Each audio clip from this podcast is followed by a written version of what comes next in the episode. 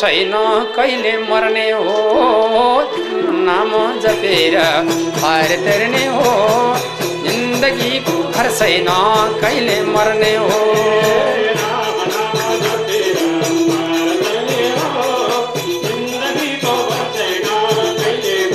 हरे राम नाम जपेर पार तर्ने हो जिन्दगीको छैन कहिले मर्ने हो।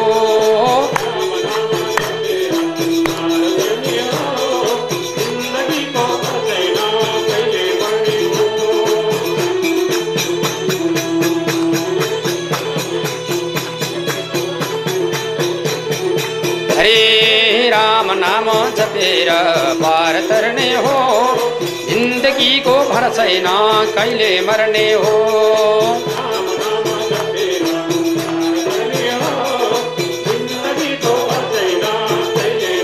हरे राम नाम जपेर पार तर्ने हो। जिन्दगीको भर छैन कहिले मर्ने हो।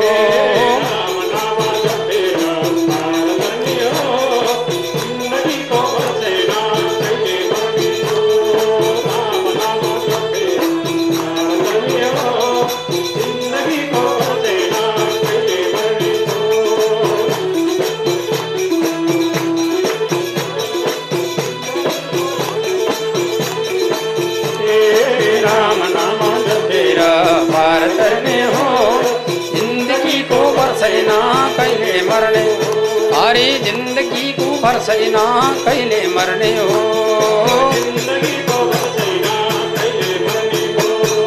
सधैँ हामीलाई हतार सधैँ हामीलाई काम। मर्ने बेला भइसक्यो कहिले जप्ने राम। सधैँ हामीलाई हताएर।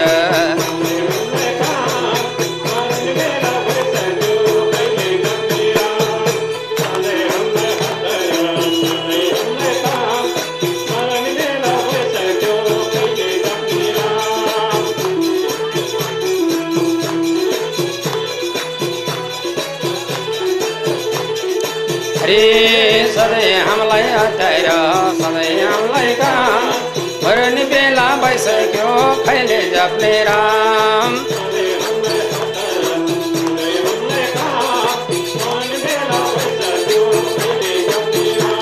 ए सधैँ हामीलाई हटाएर सधैँ हामीलाई काम मर्ने बेला भइसक्यो कहिले जप्ने राम।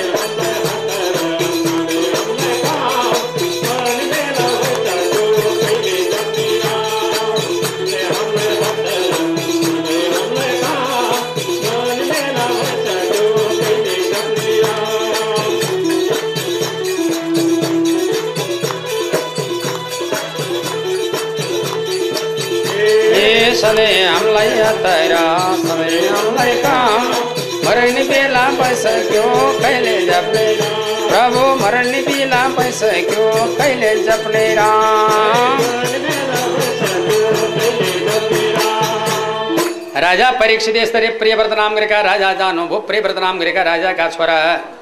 अब आग्नेत्र भन्नेले जम्बू द्वीपमा राज्य गर्नुभएको छ अब यिनका विस्तृत जानकारीको वर्णन सुन्नुहोस् भनिकन राजा परीक्षितलाई सुखदेव निर्णय गराउँदै हुनुहुन्छ भन्ने सम्बन्धको कथा यस अध्यायबाट। ओम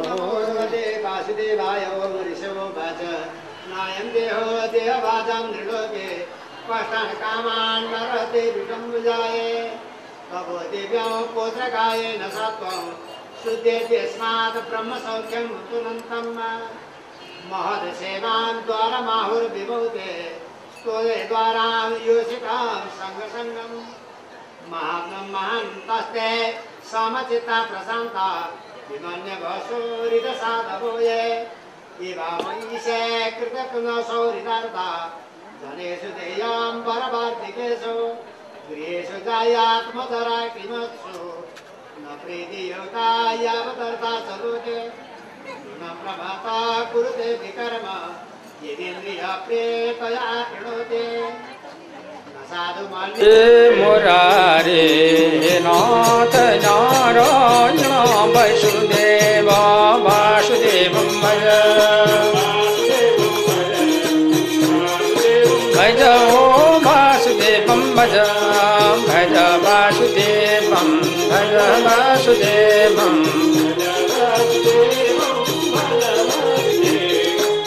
कृष्णाय वासुदेवाय हरय परमात्मने प्रणतकृष्णसाय गोविन्दाय नमो। सुन्नुभो महाराज परीक्षित अब यो श्रीमद भागवत महाप्राण अन्तर्गत दशम मने पञ्चम स्कन्दमा अब यिनै राजाका वंशजमा। राजा एक जन्मिए जसको नाम हो आग्निद्र आग्निद्र नाम गरेको राजा। प्रिव्रतका छोरा आग्निद्र आग्निद्रका छोरा नौ भाइ भए। अब ती नौ भाइले नौ खण्डको तयारी गराउन लगाए बुबालाई। जम्मू द्वीपको अठासी अठासी हजार कोषको एक एक खण्डको निर्णय भएको छ। पहिलो खण्ड कन भद्रासो केतुमाल हरिवर्ष किमपुरुष इलाव्रत रम्यक अनि त्यसपछिबाट अनि जब अजनाब नाम गरेका खण्ड यस्ता नौ भाइले नौ खण्डको राज्य गरे। त्यसमध्येमा तपाईँ हामी बसेको ठाउँको नाम हो अजनाब नाम गरेको खण्ड। यहाँ चाहिँ राजा कन जब यस बडा प्रतापी राजाले राज्य गरिबक्सियो। बडो ध्यान मनन कीर्तन भयो। चिन्तन मनन निर्दास यस प्रकारबाट राजाको नगो सौनकादि ऋषि प्रणाली। अब तपाईँ के सुन्न चाहिबक्सन्छ भन्दा यिनै आग्निद्र नाम गरेका राजाले न नाभिलाई राज सुम्पा गरेर नाभि आदि गरेका नौ भाइलाई नौ खण्डको राज सुम्पा गरेर।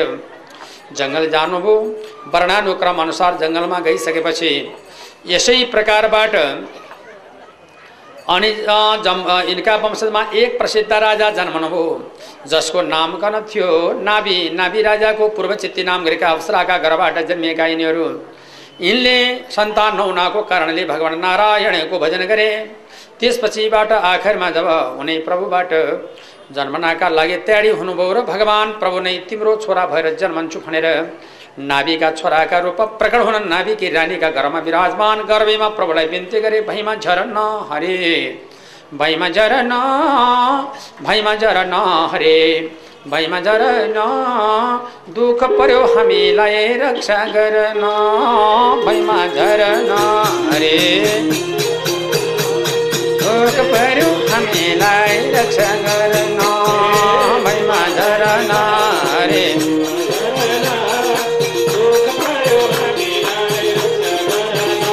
ए भैमा झरन रे भैमा झरन दुःख पर्यो हामीलाई रक्षा गर्न भैमा झरन रे।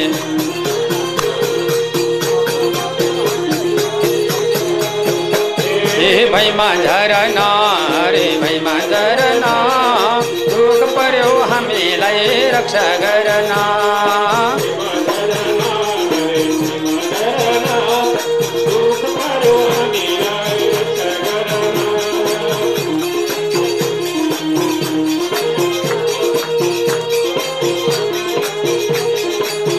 ए भैमा झरन रे भैमा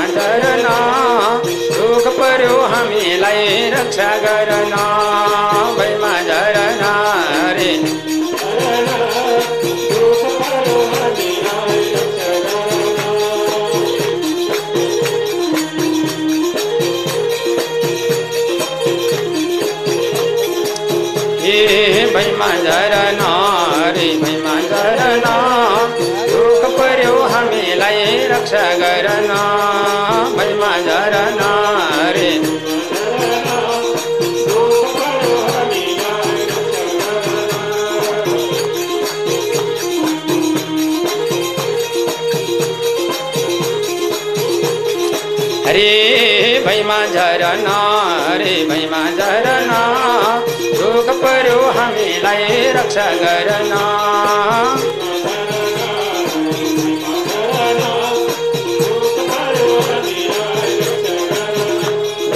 दुःख पर्यो हामीलाई रक्षा गर्न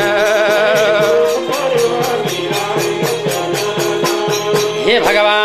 भैमा झरन प्रभु दुःख यातना कष्ट पर्यो हाम्रो रक्षा गरिदेऊ न।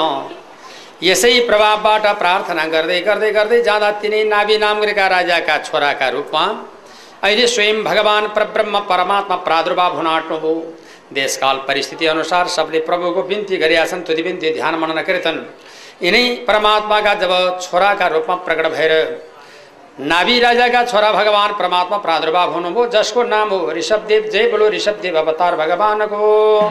आकाशबाट फुलमाला गुच्छा लाभेरेको वृष्टि ऋषभदेव प्रभु प्रार्थनाको वशमा। सबले बिन्ती गरेर ऋषभदेवले आफ्ना पिताजीलाई जन्मना साथ आज्ञा गर्नुभयो। हेस्त बुबा हाम्रो रीतिथिति र नीति अनुसार हाम्रा बाबुबाजे पूर्वजले गरे अनुसारको काम गर्नुपर्छ। कसैले पनि आफ्नो बाबुबाजे पूर्वजको रीतिथिति छोड्नु हुँदैन। शास्त्रको चार लोकाचार विधि विधान्तरको आचार यो छोड्नुहुन्न सुख पाइयो अरे भएर नछोड्नु। सहरमा आएर बसियो अरे भएर गाउँका रीति नछोड्नु। फुर्किएर के मान्छे त फेरि भैमाना भाँडा हुँदैनन् र? अलिअलि हुँदो खाँदो भएपछि त टिट। रीतिथिति नीति नछोड्नु। आफ्नो नियम आफ्नो धर्म आफ्नो सदाचार आफ्नो काम आफ्नो कर्तव्य आफ्नो कुल कुटुम्ब रीतिथिति रीति यो नछोड्नु। आफ्नो संस्कृति मेट्नु हुँदैन। सुख पाइयो रे भन्दैमा मेट्नु हुँदैन जहाँसुकै बसियोस् यसै कारणले गर्दाखेरिमा भगवान्को भजन मनन कीर्तन यो प्रकारले प्रमाण गरियो अब बाँकी अंशको लागि तपाईँ के सुन्न चाहनुहुन्छ ऋषभदेव भगवान्का अहिले जाइम जम्मा सय भाइ छोरा पैदा भएका छन् महाराज ऋषभदेव भगवान्को त्यसमध्येमा नौजना ऊर्धरेता भए नौजना भागवत धर्म जान्नेवाला भए एकासीजना जोगी भएर गए। ब्राह्मणको रूपमा गए। अब बाँकी कतिवटा रहे? थाहा छ? कतिवटा रहे बाँकी? यतापट्टिकालाई सोधेँ मैले। कतिवटा रहे बाँकी? सय भाइमा कतिवटा बाँकी रहे? छैन। ए क्या श्वासन सुनेर चाहिँ नि भगवान्। यस्तै आउन् भोलिबाट पनि। र त्यसै कारणले अब यतापट्टि त थाहा होला। कतिवटा रहे। हो ठिक हो ठिक हो। जे भए पनि यतापट्टि चाहिँ रच केही यतापट्टि होला जस्तै लाग्थ्यो कति कति यता त बन्दै पऱ्यो त्यो बन्दै। ढोक। अँ सुन्न आइदियो भने सुन्ने छ कर्म गर्ने पढ्ने पढाउने दान दिने दान लिने यज्ञ गर्ने र गराउने। अनि ब्राह्मणले सबभन्दा उत्तम ब्राह्मणको काम के हो? नीति बनाउने शास्त्र बनाउने। नियम बनाउने कानुन बनाउने लागू गर्ने र नीतिगत सिद्धान्तले सरलाई समानुपातिक दृष्टिकोणबाट उपदेश प्रदान गर्ने यो ब्राह्मण बन्ने छोराले जान्नु। ब्राह्मणले धर्म नछोड्नु। जोगीले राजाले सती नारीले ब्राह्मणले धर्म छोडेपछि अनि त्यसपछिबाट पृथ्वीमा भाराक्रान्त हुन्छ। बुझेन यसै कारणले गर्दाखेरिमा ब्राह्मणले धर्म नछोड्नु। ब्राह्मण धर्मव्रत सीमा रहनु। ब्राह्मणलाई जब सारा सम्पूर्ण समानुपातिक नै रहन्छ। नारायण हरि संसार यस्तै हो भन्ने बुझ्नुपर्छ ब्राह्मण। ब्राह्मण सबको लागि सेवामा रहनुपर्छ। ब्राह्मणलाई यस किसिमबाट ब्राह्मणको वाद हुन सक्दैन। ब्राह्मणको सङ्गठन हुन सक्दैन। मलाई एक दिन एक एक तागा ब्राह्मणको सङ्गठनको लागि भनेर कुरा गरे के को ब्राह्मणको सङ्गठन? के को? ब्राह्मणको नै सङ्गठन हुन्छ। ब्राह्मण भने त बाजे बाजे भने सबैको हजुरबा। हजुरबाको नि सङ्गठन हुन्? यसै कारणबाट ब्राह्मण सबैको लागि समान। ब्राह्मणले एक छत्र सबको लागि रक्षार्थ नीति र नियम यही हो भनेर बताइदिने हो। ब्राह्मणको कुनै साम्प्रदायिक हुन सक्दैन। ब्राह्मण साम्प्रदायिकमा जानुहुन्न। र त्यसै कारणबाट ब्राह्मण सबैका लागि सेवा सबलाई उपदेशात्मक पक्ष। नीति र सिद्धान्त यो हो भनेर व्याख्या गर्ने। उसको लागि मेरो अर्को हुनै सक्दैन। उनलाई त सबले बाहुन बाजे भनेको छ नि। हाम्रो बाभन्दा नि ठुलो तपाईँ भनेर मलाई बताइरहे त्यहाँ उसले नि के सङ्गठन गर्दै हिँड्ने ब्राह्मणको कुनै प्रकारबाट साम्प्रदायिक हुन सक्दैन। ब्राह्मण साम्प्रदायिक हुन सक्दैन। अरू हुन सक्ला। ब्राह्मण हुन सक्दैन। हुन मिल्दैन। त्यसै कारणबाट ब्राह्मणले सबको लागि सेवा गर्नु। सबलाई उपदेश गर्नु। जब यस्ता कारणबाट ब्राह्मण सदा नीतिमा रहनु सिद्धान्तमा रहनु कहिल्यै नटुट्नु नियम कानुन ब्राह्मणका लागि बनाउने उद्देश्य नीति बनाउने यो ब्राह्मणको काम हो। अब योगी बन्ने छोरालाई भगवान्ले बताउनु भएको छ। हेर योगी बन्ने छोराले चाहिँ योग माने प्लस हो कि होइन? प्लस माने योग हो कि होइन? प्लस चिन्ह हुन्छ अनि योग हुन्छ हुन्छ योग भनेको जोड हो कि होइन? जीवलाई र आत्मामा सन्धि पत्र गर्ने त्यसलाई भन्छ योग। जीवनलाई एक ठाउँमा लगेर कट्ठा बनाएर जोडिदिने त्यो हुन्छ योग। योग माने जोड हो कि जोड्ने। ईश्वरमा जोड्ने जस्तै जोगीहरू माग्न आउँछन् नि कहिले कहिले। अलग भन्छ नि भन्दैन नि? के भने त्यो? अलग भने क्या? यस लोकलाई छोडेर म परलोकमा गएको म त यस ठाउँबाट अलग भनेको। बुझ्नु सुन्नु छैन? त्यो माग्ने चाहिँ नि बुझ्दैन फेरि जोगी नि बुझ्दैन। के मागे भन्छन् अब तराईतिर गयो भनेदेखि तोरी काठमाडौँतिर आए के मागे आएको नि लड्डु होला पेडा? के माग अलग लोकबाट अलग रहेको। यस लोकबाट परलोक गइसकेको अलग योगीहरू। संसारबाट अलग भएको योगी भन्नु योग माने ईश्वरमा गएर जोड भएको व्यक्ति अलग। अनि ब्राह्मण बन्नेले धर्म नछोड्नु है। ब्राह्मणको काम कर्तव्य र निष्ठा जो हो त्यो प्रकारबाट ब्राह्मणले रहनु अनि अर्को प्रकारको उर्धरेता भनियो नि नौ भाइ। भागवत धर्म जान्नेवाला भा माने भावना ग माने गति ब माने वर्णन त माने तारण। भावना गति सर्व वर्णन विस्तार गरेर तारिदिन्छ जो त्यही शास्त्रको नाम हो भागवत। भावनाको विचार गर्नु भावनाको विकास गर्नु भावनाले काम गर्नु आस्था जगाउने काम गर्नु करमा कुनै काम हुन सक्दैन करले हो भने यति मान्छे बस्नै सक्दैन यहाँ यसरी टन्नाटन भएर खाँदा खाँदा कहाँ बस्न सक्छ? यसमा इच्छा र उत्सुकता भएपछि असिलो पनि सजिलो हुन्छ नमिठो पनि मिठो हुन्छ नराम्रो पनि राम्रो हुन्छ। यो सारा सम्पूर्ण गर्न आस्था जगाउने भागवतको काम हो। आस्था जगाइरहेको छ। यहाँहरू टन भएर बस्नुभएको छ। आस्थाको बिन्दु बनेको छ भागवत। अब प्रश्न आयो राजा बन्नेले राजाले कहिल्यै नाता पर्दैन राजाको? राजाको नाता हुँदैन। आपो पपन शुद्धन्ती भूमि शुद्धन्ती गोमयम दातारो दान शुद्धन्ती वेद शुद्धन्ती ब्राह्मणम भन्छ। हावाले हानेको पानी शुद्ध हुन्छ। गाईको गोबरले लिपेपछि पृथ्वी शुद्ध हुन्छ वेद पढेर ब्राह्मण शुद्ध हुन्छ दाता दान दिएर शुद्ध हुन्छ राजा उचित अनुसारको दण्ड र सजाय समाजलाई दिएर शुद्ध हुन्छ। यसै कारणबाट राजाका लागि को आफ्नो कुवारको कोही हुँदैन। राजा सबैको साझा होइबक्सनुपर्छ राजा सबैको साझा पनि हो। अब यसै कारणबाट सबैको हो राजा। एउटा व्यक्तिको मात्रै राजा हुनु हुँदैन। र नाता राजाको पर्दैन आफ्नो बाउ स्वर्गारोहण भएको दिनमा त जब श्रीपेज लगाएर गद्दीमा आरूढ भएर विराजमान हुने राजाको कसको नाता पर्ने के को जब भिनाजु के को जब जेठन के को नाता के को गोता। आफ्ना बाबाको त क्रिया गर्न नपर्ने त्यत्रो प्रकारको सम्मानित त्यत्रो प्रकारको जब संस्कृतिभन्दा पनि माथि परेको व्यक्ति। अनि त राजाको नाता परेर राजा हाम्रो नाता पर्दैन कसको नाता परे राजा। राजा सबैको साझा यो भन्नुहुन्छ ऋषभदेव भगवान्ले। आफ्ना छोराहरूलाई अनि त्यसपछिबाट समाजको हित गर्नु कल्याण गर्नु धर्म अर्थ काम मोक्षको जब कामना गर्नु चार पुरुषार्थ छ छोराहरूलाई ऋषभदेवले बताउनु भएको चार पुरुषार्थ मध्येमा एक पुरुषार्थ साधन गर्यो भने उत्तम हुन्छ। मतलब धर्म गर्नु अर्थ कमाउनु धर्मले पैसा कमाउनु पैसाले काम गर्नु कामले मोक्ष कमाउनु होइन धर्म अर्थ काम मोक्ष चार पुरुषार्थ हुन्। मात्रै चारवटा नसके पनि एउटा कमाउनु। धर्म भने नि कमाउनु नभए पैसा कमाउनु सबैले मान्छन्। साउजी साउजी केही नदिए पछि लाग्छन्। दिन त त्यसले के दिन्थ्यो र नि? बरु कोही केही नौले निवे गरेर दिएला त्यो हुनेले दिँदैन। ठुलो वृक्षको आड लगाएपछि हित हुन्छ भन्छन् नि। ठुलो बर र पिपलको फेदा कुनै वृक्ष हुर्किया देख्नु भएको छ? भए पनि सानो लुग्नु भएर काटिएर कठ्याङ्ग्री हेरे बसिरहन्छ। त्यस कारणले ठुला पछि लाग्नुले इतै हुन्छ ऊ आफ्नो विवेकी भएर छुट्टै ठाउँमा बसेर तयारी हुन थाल्यो। त्यो जतिको हामी बन्न सकिँदैन भन्ने प्रकारको विचारले नि। के को पछि लाग्ने? कसको? नारायणको पछि लाग्नु भगवान्को पछि लाग्नु उसैको विश्वास गर्नु। उसैको निश्चय र विश्वासमा परिसकेपछि दुःख हुँदैन। यस कारणबाट जब ठुलो वृक्षको जब आड लागिएछ भन्छन् नि कुनै नेताको पछि लगाएर फेरि माने सुन्न सक्दिनँ के गर्ने?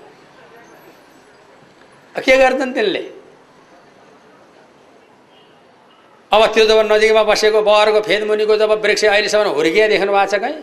कठाङ्ग्री अरे ककर्केर बसिरहेको छ त्यही हो। त्यो ठुलाबाट हुँ भन्नेको पछि लाग्नाले त्यही भएर जब ककर्केर घरका काम बिगाऱ्यो बसिरो त्यसको चाकडी गऱ्यो बसिरो ऊ बन्ने ठाउँ बनिरहेकै छ अनि पछि बनिसकेपछि हात छोडिदिन्छ। केही न केही के गर्नु? ए सबै त्यस्तै व्यथामा परिरहेको छ नि धेरै जसका र यस कारणले आफ्नो काम गर्नु। संसारमा दुईवटा काम गर्ने व्यक्तिलाई कहिल्यै दुःख हुँदैन त्यो बारम्बार भनिरहेको छु। हातमा काम मुखमा राम। त्यो गर्नुहोस् न। कसको पछि लाग्ने? हातमा काम गर्ने उद्योगमा आफू डट्ने मुलुकको विकास समाजको विकास आफ्नो विकास। खान अर्ज भएन सबैले एउटै काम गर्ने हो र सबैले व्यापार गर्ने हो र किनिदिने कसले त्यो व्यापार गर्ने सामग्री उत्पादन गर्नु पर्यो? अब सबै नेता बन्ने हो र जनता को बन्ने।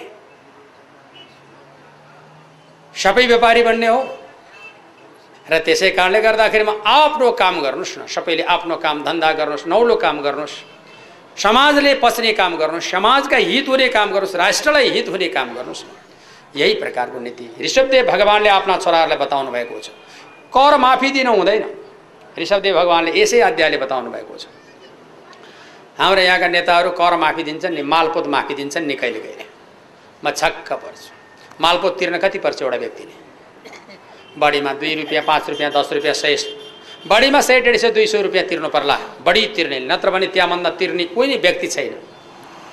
तर त्यो सबैले नतिर्दा रा राजस्व घाटा कति हुन्छ? एक अरब हुन्छ। एक अरब राष्ट्रलाई घाटा बनाउने कि एउटा सय एक रुपियाँ लिने? विचार गर्नु। त्यस्ता खाले आ होइन न यहाँ के गर्नु? आए पनि उहाँ काना तेल हालेर बसिहाल्ला नि के आउँथे यसरी नै सारा सम्पूर्ण यहाँ त ऋषभदेव भगवान्ले यस्तो नीति बताइदिनु भएको छ जुन व्यक्तिले जब कर उठाउनु कर उठाइसकेपछि त्यो कर आफूले जब सरकारले खर्च नगर्नु त्यो विकासको लागि ती थपेर आधा थपेर दिनु भन्छ तब कल्याण हुन्छ राजा परीक्षितलाई सुखदेव स्वामीले यस्ता प्रकारबाट सारा सम्पूर्ण यो नीति बनाउनु भएको छ। भगवान् परमात्मा ऋषभदेवले आफूले समानुपातिक दृष्टिले हेर्नु कतै अन्याय नगर्नु कसैलाई दण्ड नदिनु कसैलाई सजाय नदिनु बिना कसुरमा बुझिसकेपछि दण्ड दिनु माफी कसैलाई दिँदै नदिनु जोसुकै होस् माफी नदिनु।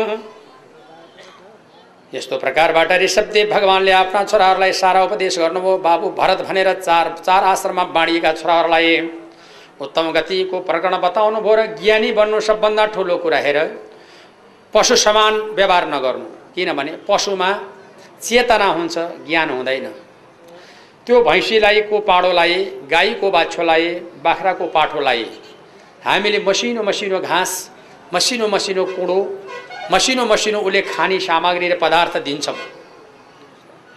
तर त्यो माउ चाहिँले लम्किएर हुन्छ कि दाम्लो छिनाएर हुन्छ कि त्यो बालकलाई दिएको आफ्नो बालकको आफू त्यसले खानुपर्छ भन्ने ज्ञान त्यसलाई छैन। स्वाट सुट्टै स्वरसार बनाएर खाइदिन्छ। आहा मेरो बालकले खाओस् यसको बुढी भरियोस् भन्ने उसको मनमा छैन। मेरो होइन भनौँ मनदेखि त्यसलाई देखेर नदेखे रुन्छ पनि।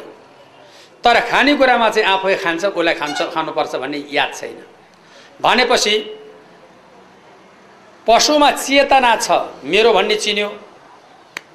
खानुपर्छ भन्ने ज्ञान चाहिँ रहन्छ त्यो ज्ञान चाहिँ पर्दा लाग्यो। यसै कारणबाट अहिले मानिसहरूको त्यही भएको छ। आफूले मेरो भन्ने चाहिँ जान्दछन्। त्यसले खानुपर्छ भन्ने चाहिँ पशुले चाहिँ जान्दैनन् आफै मात्रै खाने भन्छन्। अनि त्यो पशु र त्यो व्यक्तिमा के फरक भयो? त्यसै कारणले गर्दाखेरि पशु समानको व्यवहार नहोस् मानवीय गुण धर्मले काम गरौँ र कसैले पनि आफ्नो मात्रै पेट भर्न लायो। समाजले खानै पर्दैन त्यहाँ भोक लाग्यो यहाँनिर लायो त्यहाँ तिर्खा लाग्यो यहाँनिर लायो। त्यहाँ कान्ति उठ्यो यहाँनिर उठ्यो त्यहाँ निन्द्रा लाग्यो यहाँनिर लाग्यो त्यहाँ थकाइ लाग्यो यहाँनिर लाग्यो यो सबै कुरा विचार भयो भने पो अनि त्यस मानवीय गुणधर्म भयो आफू मात्रै भरौँ हुन चाहिँ मेरो हो भनेर भाषण चाहिँ गर्ने। खाने बेला आफैले लटपटाएर खाइदिएपछि के भयो त्यो भैँसी जस्तो भयो भएन त्यही जब बाख्रो जस्तो भयो भएन त्यही गाई जस्तो भयो भएन। विचार गर्नुहोस् यसै कारणबाट सबैलाई हो सबैले खाउँ। राजा परीक्षित महाराज यस प्रकारबाट राजा परीक्षितलाई ऋषभदेव भगवान्ले छोराहरूलाई उपदेश गर्नुभयो बाबु तिमीहरू धर्म नछोड धर्म विश्व जगत प्रतिष्ठा। धर्म नै विश्वको मूलभूत सिद्धान्त हो। धर्मको रक्षा हामीले गरौँ हाम्रो रक्षा धर्मले गरिहाल्छ नि। होइन त? धर्म रक्षित रक्षित अघि होइन धर्मको रक्षा आफूले गरे आफ्नो रक्षा धर्मले गर्छ। यहाँ त कस्ता छन् भनेदेखि जोसँग झगडा गर्यो। बाजो बाजो बाजो बाजो बाजो सकेन। अब हारेपछि सय सिद्धि भगवान् सयको छु है। ल। सक्दिनँ भने इज्जत जाँदो रहेछ अनि सय सिद्धि भगवान्। सय सिद्धि भगवान्ले पहिल्यै भन्नुपर्छ नगराइकन हुन हार गऱ्यो धोपालो र उल्टा हानाहान गऱ्यो अनि त्यसपछिबाट सय सिद्धि भगवान् हारेपछि सय छु ईश्वर जे गर्छौ गर। के गर्ने नि? सकिसकेपछि। याद गर्नु। आफू मिल्नु समाज मिल्नु। ऋषभदेव भगवान्ले कसैलाई चर नदिनु भाइ नफुट्नु। यस्ता उपदेश गर्नुभएको छ यो दुई अध्यायले भगवान् ऋषभदेवले। कसैमाथि अन्याय नगर्नु। कसैलाई दुःख दिने पीडा दिने भाषा पनि नबोल्नु। मूर्ख र महामूर्ख संसारमा दुईवटा हुन्छन्। एउटा मूर्ख अर्कालाई निन्दा गर्ने एउटा महामूर्ख आफ्नो कुरो आफै व्याख्या गर्दै हिँड्ने। म यस्तो म उस्तो। म नभए देशै कहाँ पाउँथ्यो समाजै कहाँ पाउँथ्यो तिमीहरू कहाँ पाउँथ्यौ ल त्यो महामूर्ख। म निमित्त बने हो गर्ने गराउने सबै भगवान् ईश्वरको खेल हो। यस्तोतिर लैजानुहोस् बिसाउनुहोस् त्यतातिर अनि मात्रै हित होला। तपाईँ मूर्खबाट बच्नुहुन्छ हस्। यसरी ऋषभदेव भगवान्ले आफ्ना छोराहरूलाई धेरै उपदेश गरी बक्सेपछि अनि ऋषभदेव भगवान्का उनान्से भाइ छोरा आफ्ना सम्प्रदायमा गए। एउटा छोरा भरतले राज्य गरे। त्यो भरतले राज्य गरिएको ठाउँ हुनाले यो पुरीको नाम हो भरतखण्ड? भरतखण्ड कति छ? पूर्वपट्टिको रेवा नाम गरेको नदी जसमा ब्याङ्कक जब थाइल्यान्डमा पुग्छ। पश्चिमपट्टिको भोलगा नाम गरेको नदी जसमा सोभियतसँग रसामा बग्छ। भोलगासे गङ्गा भन्ने उच्च शिक्षामा पढ्न पर्ने ठुलो किताब। भोलगासे गङ्गा भारतको व्याख्या। भोलगासे गङ्गा भन्ने एउटा हिन्दीमा लेखेको छ। भोलगा नाम गरेको नदी अनि त्यहाँदेखि प्रान्तकन रेवा नाम गरेको नदी पूर्व थाइल्यान्डमा। भोलगा नाम गरेको नदी कहाँ? सोभियतसँग रसामा। वसुधारा कहाँ? तिब्बतमा। अनि त्यसदेखि पछाडि यता जब श्रीलङ्काको बोर्डरमा भारतैको यस किसिमबाट रामेश्वर यति चार किल्लाभित्रलाई भारतखण्ड भनिन्छ। यही हो भारतखण्ड। अहिले कतिवटा राष्ट्र छन् यहाँ? नेपाल तिब्बतको केही भाग बङ्गलादेश भुटान होइन भारत पाकिस्तान अफगानिस्तान रसियाको केही भाग। केही भाग है रसियाको चाहिँ। पुरा होइन यति सातवटा राष्ट्रले विभाजन भइएको ठाउँ हो यो। यस कारणले यति ठाउँलाई भरतखण्ड भनिन्छ। यसको जम्मा क्षेत्रफल अठासी हजार कोषले व्याक बेष्टित भएको छ। र यसै प्रकारबाट राजा परीक्षितका हजुरमा सुखदेव स्वामीले व्याख्या गर्नुभयो र बाँकी अंशको उपा उपरान्त यिनै जब प्रकारबाट महाराज अब भरत नाम गरेको राजालाई राजसुम्पा गरेर ऋषभदेव भगवान् सबैले बोलाउँदै थिए बोल्दै नबोले लाटो बढेर र बोल्दै नबोली चिन्तै नलिकन लख्रा लख्रा निस्कनु भयो मेरो बुबा दरबारमा जाम भन्दा म जान्न पनि भन्नु भएन जान्छु पनि भन्नु भएन। सरासर अगाडि बढ्नुभयो जाँदा जाँदा जाँदा छोराहरूले बुबालाई फर्काउँदै थिए ऋषभदेव बोल्दै नबोलिकन गएर जब यस किसिमले जङ्गलमा पस्नुभयो चारैपट्टिबाट अग्नि प्रकोप गराएर सबलाई हटाएर आफू परमधाम सवारी होई बक्सियो। ऋषभदेव भगवान् प्रभु परमधाम। ऋषभदेवका छोरा भरतले राज्य गरेको हुनाले यो खण्डको नाम भरत खण्ड भयो अब रमाइलो भरतको उपाख्यान अत्यन्त समवेदनशील ज्ञानका विषय भरत उपाख्यान सुन्नुहोस् भनिकन राजा परीक्षितलाई सुखदेव बताउँदै हुनुहुन्छ भन्ने सम्बन्धको कथा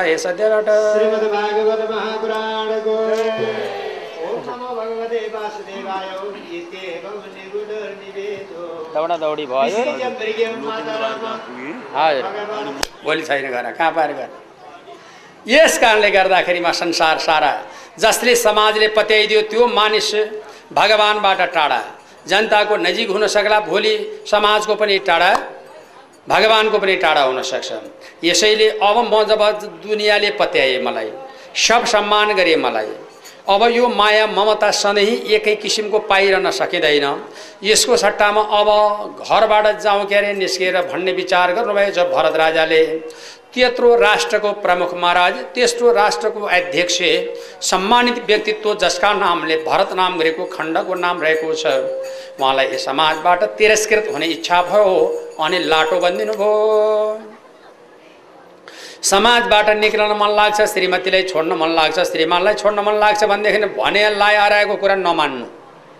नमानिदिएपछि के हुन्छ? रिसाउनु थाल्छन् घरका जान। मिठो मिठो खाना खोज्ने। काम उब्सेरै नगर्ने भएपछि त बुढी नि त रिसाउँछ नि ओके?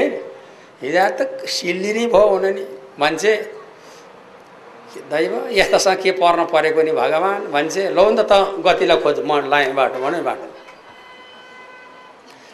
यसै कारणले गर्दाखेरिमा अब ऋषभदेव भगवान्का छोरा भरतले पनि यही अठोट गर्नुभएछ र अब लाटो बन्छु। लाटो बन्दिनु बाहिरो बन्छु। कान नसुन्न छो सुन्न छोड्नुभयो किन नसुन्ने सुन्न त अर्का देख्नु आँखा नदेख्ने छामछाम र छुमछुम किन? सबभन्दा सबभन्दा पहिला उनी देख्थे। तर समाजमा त्यो एउटा माया मोह भङ्ग गराउनु पर्यो। मोहलाई भङ्ग गराउनु पर्यो भन्नाका निमित्त लाटो बाहिर कान नसुन्ने भएर हिँड्दै हुनुहुन्थ्यो। हिँड्दा हिँड्दा हिँड्दा हिँड्दा हिँड्दा। अब सारा समाजले राजालाई सम्मान गरेको त्यत्रो राजा हाम्रो राजाभन्दा प्यारो कोही भी नै क्या राम्रो राजा भरत भनेर सम्मान गरेको उनीको नामले भरत खण्ड नाम राखेको तर त्यस्तो राजा पछि बौलाए भन्न लागे। ओहो बौलाएको भए ठिकै छ भनेर हुने धेरै दिन बसे पत्नीले माया दिन छोडिन्। छोराले अपमान गर्न लागे दुनियाँ पनि अपमान गर्न लागे मागेर खानु पर्ने राजाको परिवेश भइसक्यो सरकार। अनि सम्पूर्णलाई छोडेर राजा भरत एक दिन जङ्गलमा जान्छु भनेर सबैभन्दा पवित्र पावन जग्गा कहाँ छ भनेकन राजा भरतले विचार गर्दा सबैभन्दा पवित्र जग्गा कहाँ हो भनेर निस्कनु हो एक्लै। कहाँ गए राजा भरत? हरिहर क्षेत्रमा। हरिहर क्षेत्र भनेको कहाँ हो? देवघाट।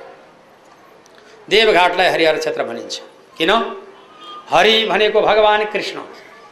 दामोदर कुण्ड कुण्डबाट बगेर गए कि आए कि? हर भनेको भगवान् शिवजी त्रिशुली नदी भएर बगेर गए कि यो जब हरि र हरको समायोजन ठाउँ भएको कारणले देवघाटको नाम हो हरिहर क्षेत्र। पुलस्त्या ऋषिको आश्रम। रावण कुम्भकर्ण कुबेरको तपोभूमि। वाल्मिकीको आश्रम। ग्रह गजेन्द्रको संवाद अनि सीतामाईको तपोभूमि सीताजीले पूजा गरेर फुल बगाएको ठाउँ यस्तो हो जब देवघाट क्षेत्र। हाम्रो यहाँ त राष्ट्रियता छैन। इन्डियनहरूले त्यस्तो जग्गा फेला पार्नेमा के के बनाइदिन्थे? हाम्रो यहाँ त यति देवघाट पत्याउँदै पत्याउँदै इन्डियामा जब एउटा देउता जन्मिया छैन भन्ने हो नि यहाँबाट घडेरी बेचेर छाटिने त्यस्तो पो छ यहाँ। यस कारणले गर्दाखेरिमा भगवान् यसरी विचार गर्नुहोस्। विचार गर्नुहोस् विवेक गर्नुहोस् उदयमान गर्नुहोस्। त्यो परम पवित्र पावन जग्गा हो देवघाट धाम। त्यो देवघाट धामले छेकेको जति जग्गालाई हरिहर क्षेत्र भनिन्छ यो आर्यव्रत क्षेत्र हो। भगवान् पशुपतिनाथ आराध्यदेव प्रभुको क्षेत्र भएको हुनाले यो क्षेत्र हो आर्यव्रत क्षेत्र। आर्यव्रत अन्तर्गत भन्छ भन्दैन? होइन? तर त्यो हो हरिहर क्षेत्र कुन कुन? रसुवा नुवाकोट धादिङ गोर्खा मनाङ लमजुङ तनहुँ कास्की स्याङ्जा अनि त्यसपछिबाट म्याग्दी र पर्वत यी चाहिँ हरिहर क्षेत्र। फेरि देवघाट भनेको चितुनपट्टि होइन तनहुपट्टि पारिपट्टिलाई मात्रै। यता वारिपट्टि नौनु र नारायणघाटमा नौनु त बराबर हो केही फरक छैन? यस कारणले पारिपट्टि गएर स्नान सन्ध्या वन्दन हरिहर अर्चना गर्नु देवघाट भनेको पारिपट्टि तनहुपट्टिको भागले। अनि भगवान्को प्रार्थना गर्नु। अनि त्यसपछिबाट राजा भरत यसो विचार गर्नुभयो त्यहीँ गएर तपस्या गर्छु भनिकन कट्टी देख्ने तल पानीमा बिजाएर दामोदर कुण्डबाट बगेको नदी हेर्नुहोस् कस्तो प्रभाव छ नदीको एउटा नदी बगेको छ मुस्ताङमा एउटा नदी बगेको छ रसुवामा एउटा भोटेकोसीपट्टि हाम फाल्नु पर्ने एउटा कर्णालीपट्टि हाम फाल्नु पर्ने त्यो मिल्न किन आएको त्यहाँ? एउटा पश्चिम वाहिनी किन भएको एउटा पूर्व वाहिनी किन भएको त्यो जग्गा पवित्र पार्नका लागि। यस्ता कारणबाट त्यसरी आएर मिल्यो त्यहाँ। यसरी यस्तो पवित्र पावन जग्गा। यो जब अत्यन्त सुन्दरताले पूर्ण भएको ठाउँ महाराज यसलाई भनिन्छ हरिहर नाम गरेको क्षेत्र। यो हरिहर क्षेत्र ज्यादै पवित्र पावन धाम हो। त्यसमा कट्टीदेखि तल पानीमा बिजाएर भगवान् नारायण वासुदेवको भजन गर्दै शालग्राम तयारी गर्नुभएको ठाउँ शालिग्राम उत्पादन भएको ठाउँ। विश्व ब्रह्माण्डमा कहीँ शालिग्राम छैन। मैले एकपटक दक्षिण अमेरिकामा देखेँ शालिग्राम। एउटा सहरमा एउटा हिन्दू मन्दिरमा देखेँ दक्षिण अमेरिकामा। रहेछ त्यो शालिग्राम त्यो शालिग्राम कहाँबाट आयो मलाई बडा शङ्का लाग्यो। यता नि पाइँदो रहेछ कि? भने जस्तो लगाएर मैले त्यहाँ सोधेँ त्यहाँको मान्छेसँग। यो शालिग्राम कहाँबाट ल्याएको यो कालो ढुङ्गा भनेर भनेको इन्डियाबाट ल्याएको भन्यो। इन्डियामा त त्यो छैन। यहीँ नेपालबाट ल्याए हो। नेपाल भन्ने त देशै थाहा छैन तिनीहरूलाई इन्डिया भन्यो बस ठिक। यसै कारणबाट यस पवित्र पावन क्षेत्र यस पवित्र पावन क्षेत्र हो। यस किसिमबाट यति टाढा पनि जब शालग्राम पुगेको रहेछ त हेर्नुहोस् त। यो मुलुकको सबभन्दा पश्चिम त्यसको पनि सुदूर दक्षिण। जहाँ प्लेनमा जाँदा उन्तिस तिस घन्टा लाग्छ। यस्तो ठाउँमा पनि शालग्राम गएर हाम्रो यहीको जब ढुङ्गा पूजित भएको छ। यस पवित्र पावन क्षेत्रमा भगवान्को प्रार्थना गरेर अत्यन्त प्रभावकारी रूपबाट पूजन गरिएको छ त्यहाँ। र हामीले बारम्बार शालग्राम उत्पादन गर्ने जहाँभित्र हिरण्य गर्भ ढुङ्गाभित्र सुन पाइन्छ त्यहाँ। अघि होइन हिरण्य गर्भ र अनि कट्टीदेखि तल पानीमा भिजाएर भरत बिन्ती गर्न लाग्नुभयो देवघाट मुक्ति क्षेत्र दामोदर कुण्ड देवघाट मुक्ति क्षेत्र दामोदर कुण्ड शालिग्राम भगवान्लाई जाऊ वैकुण्ठ देवघाट मुक्ति क्षेत्र। हे शालिग्राम भगवान्लाई जाऊ वैकुण्ठ देवघाट मुक्ति क्षेत्र। शालिग्राम भगवान्लाई जाऊ वैकुण्ठ देवघाट मुक्ति क्षेत्र दामोदर कुण्ड शालिग्राम भगवान्लाई जाऊ वैकुण्ठ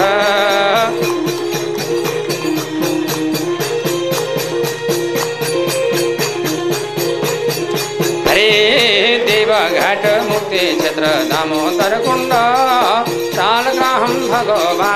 जाऊ वैकुण्ठ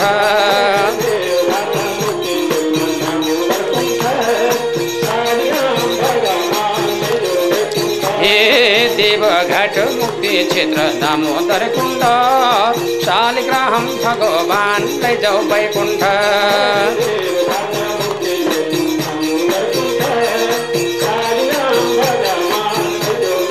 हरे देवघाट मुक्ति क्षेत्र दामोदर कुण्ड शालिग्राम भगवान्लाई जाऊ वैकुण्ठ हरे शालिग्राम भगवान्लाई जाऊ वैकुण्ठ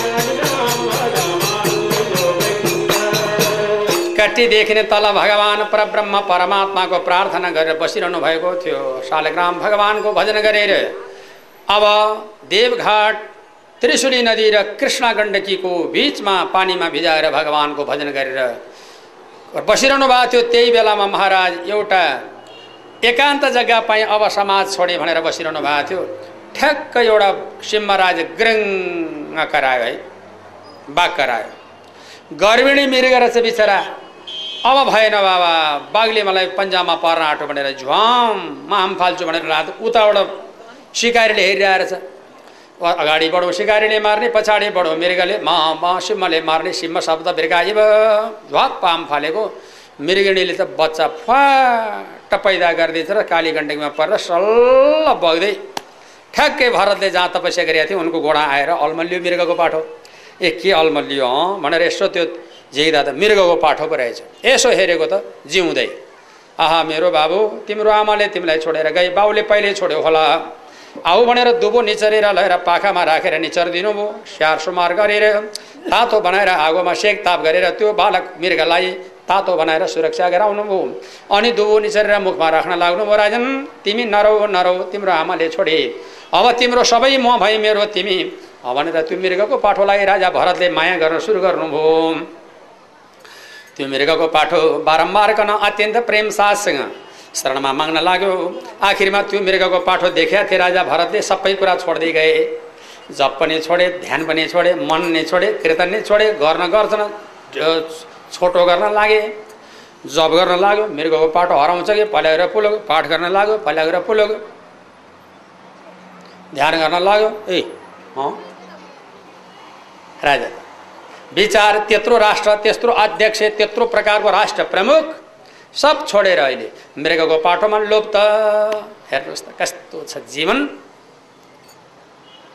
रहँदा रहँदा रहँदा त्यो मृगको पाठोमाथि राजाको आघात माया मृगले देख्नै नसक्ने थियो डुल्दै डुल्दै डुल्दै डुल्दै राजाले मृगको पाठो रातिमा नचाउने कलल गङ्गाजीको पानी हरर आएको हावा रात्रिको समयमा त्यो मृगको पाठोलाई नचाएर अहिले मृगको पाठोलाई घुमाउँदै राजा भन्न लाग्नु मो। हुँदै सलल हुँदै सलल गङ्गा जल निर्मल हुँदै सलल। अरे हुँदै सलल हुँदै सलल गङ्गा जल निर्मल हुँदै सलल।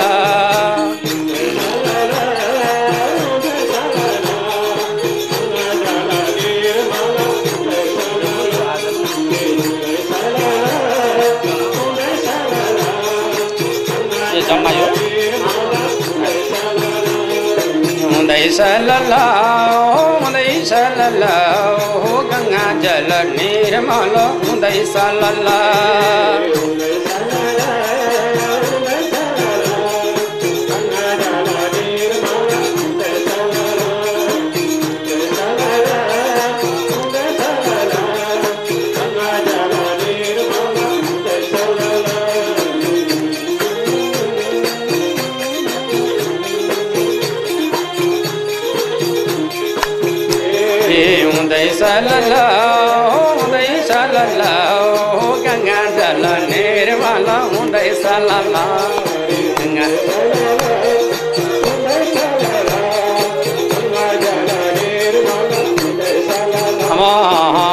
अमा हुँदैछ लल्ला हुँदैछ लल्ला हो गङ्गा जल निर्मल हुँदैछ लल्ला हेरी गङ्गा जल निर्मल हुँदैछ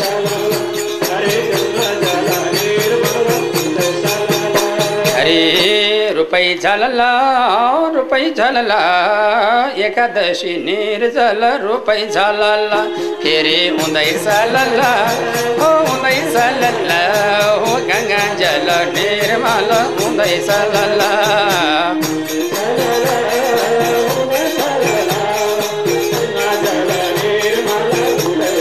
राम हुँदैछ लल हुँदैछ लल गङ्गा जल निर्मल हुँदैछ लल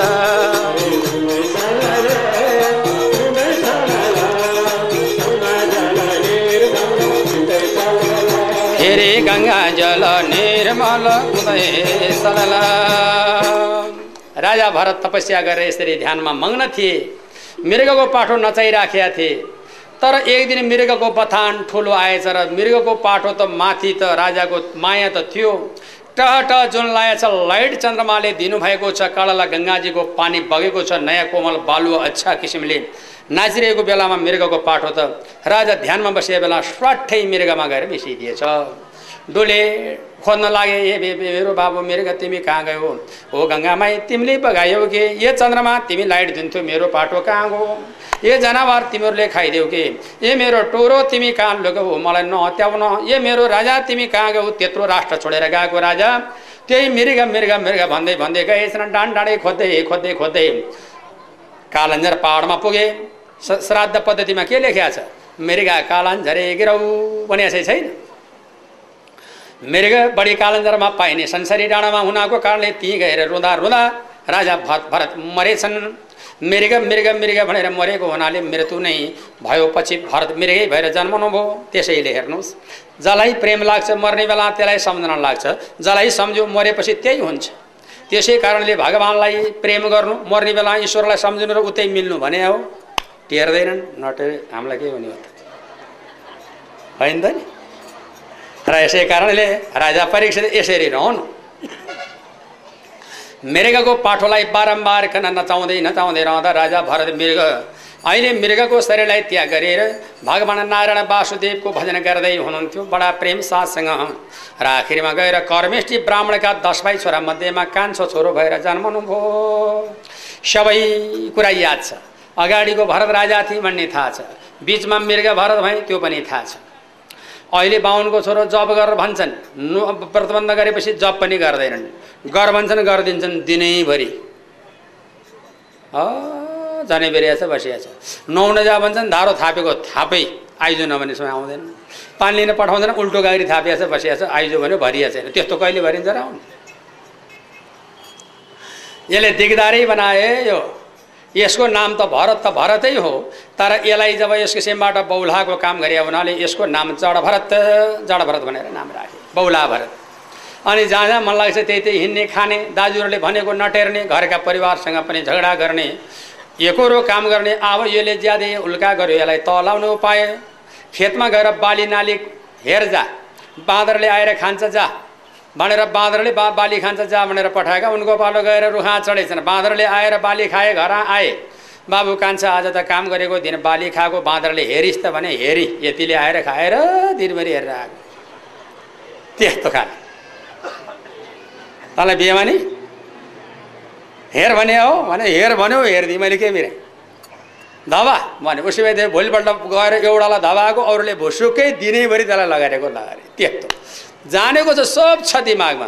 तर अर्काको देख्दा म समाजबाट बौलाउनु पर्ने भएको हुनाले बौला आज भोलि पर्सि यही प्रकारबाट रहँदै जाँदाखेरिमा एउटा भद्रकालीका मन्दिरमा एउटा एवनले पुत्र प्राप्तिको निमित्त नरबली दिन्छु भनेर प्रार्थना गरेर भद्रकाली प्रसन्न पारेको रहेछ। अनि मानिस काटेर दिने कोही पाएन आफ्नो छोरो काट्न सकेन च्याप्प भरतलाई बाली कुरिएको बेलामा खेतबाट पाता कसेर मौला लगेर बाँध्यो। मलाई काट्न ल्यायो भन्ने भरतलाई पुरा थाहा छ तर उहाँ कति शोक छैन सुरता छैन चिन्ता छैन ढक। तैँले काट्दा काटिनेछु मार्दा मरिनेछु भने भइगयो। यस प्रकारबाट जे दिएका छन् त्यो कपा गफ खाइरहेको थिएँ अनि त्यसपछिबाट भगवती प्रसन्न हुनुभयो। लौ महाराज म प्रसन्न भएँ। इच्छा माफीको तिमी जे इच्छा लाग्छ त्यो माग। भन्दाखेरिमा ल अब त्यसदेखि पछाडि अब यो बलि म जब चढाउँछु भगवती भनेर भन्दा होइन मेरो बलि मै काटेर लिन्छु भनेर च्याप तरबार देवीले खोज्नुभयो र त्यही एवनका जुल्फीमा समातेर झ्वाप पड्काइदिनु भएको थियो च्वाट्टै एवनहरूलाई काटिदिनु भयो। अनि भरत बचाइदिनु भयो।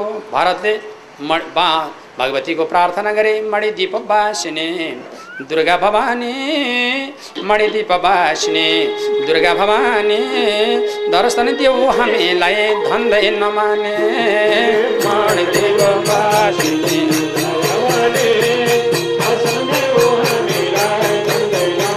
ए मणिदीप बासिने दुर्गा भवानी ओ दर्शन देऊ हामीलाई धन्दै नमाने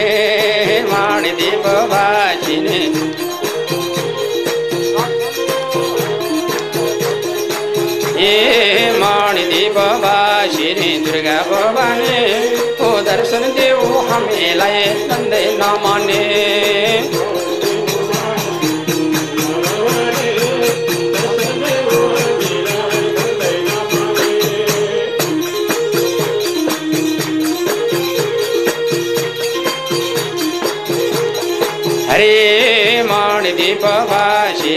दुर्गा भवानी ओ दर्शन देऊ हामीलाई नमाने हरे दर्शन देऊ हामीलाई नमाने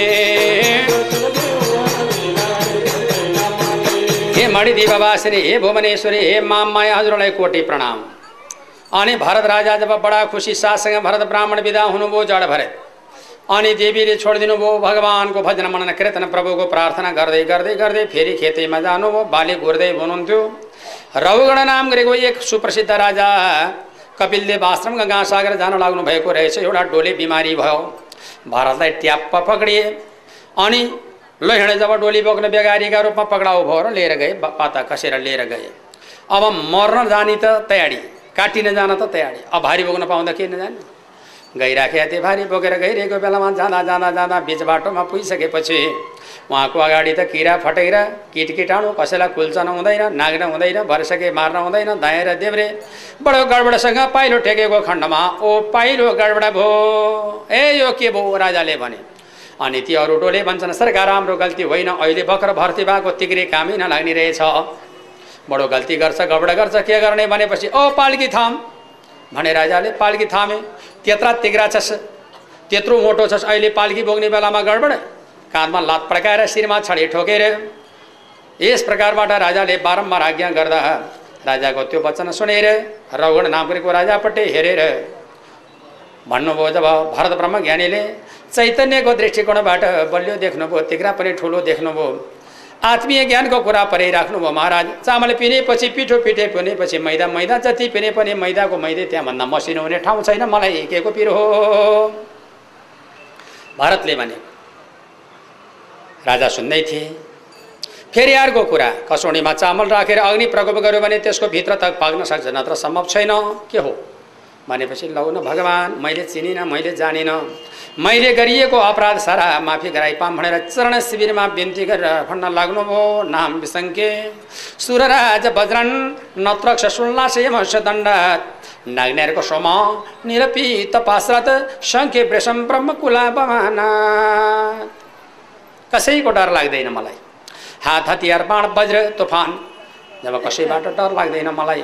तर एउटै मात्रै व्यक्तिको मलाई डर लाग्छ त्यो हो।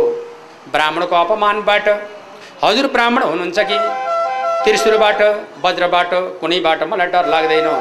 यमराजबाट मलाई डर लाग्दैन। हजुर ब्राह्मण हुनुहुन्छ कि? को हो भन्दा? बाहुनीको छोरो त म बाहुनीकै छोरो हुँ भनेर आज्ञा गरेपछि प्रभु मैले चिनिनँ मैले गरेको अपराध माफी पाम भनेर। राजा परीक्षितलाई सुखदेव स्वामीले बडो प्रेमपूर्वक आज्ञा गर्नुभयो। अनि त्यसपछिबाट लौ त अब तपाईँ के सुन्न चाहनुहुन्छ? भन्दाखेरिमा मैले गरेको अपराध माफी पाम भन्नुभएको थियो राजा रौगणले के माफी? मैले माफी दिन नि सक्दिनँ मैले सजाय दिन पनि तपाईँलाई मिल्दैन सक्दिनँ। अब मैले के जब दिएको कसैले दिएको कसैले लो लाउ भनेर कसैले खान दियो भने? खानेवालाले खाइदिएन बुझ्नेवालाले बुझ्दिएन भने कसको हुन्छ भन्दा जसले दिएको उसैको हुन्छ। तिम्रो लात्तो मैले बुझिनँ तिमी नै लैजाऊ। मलाई के चाहिएको छ? भनेपछि प्रभु परमात्मा हजुरलाई कोटे प्रणाम छ। मलाई अब ज्ञान बक्सोस् भनेको हुनाले राजा रवगढ नाम गरेको राजाको उपरमा भरत ब्रह्मज्ञानीले भवाटवीय नामको वर्णन भव आटवीय विश्व ब्रह्माण्डको लक्षण आफूमा घटाउने सिद्धान्त। यस प्रकारबाट बडा प्रेमपूर्वकले कथाको व्याख्या गर्न आँट्नु भएको छ। त्यही कथाले यहाँहरू समक्ष म प्रस्तुत अब हुनेछु भनेर सौनकादिका प्रतिमा पौराणेषु त नैमी सारण्य क्षेत्रमा आज्ञा गरी बक्स्यो भन्ने सम्मानको कथा यस अध्यायबाट। भगवान महाप्राण को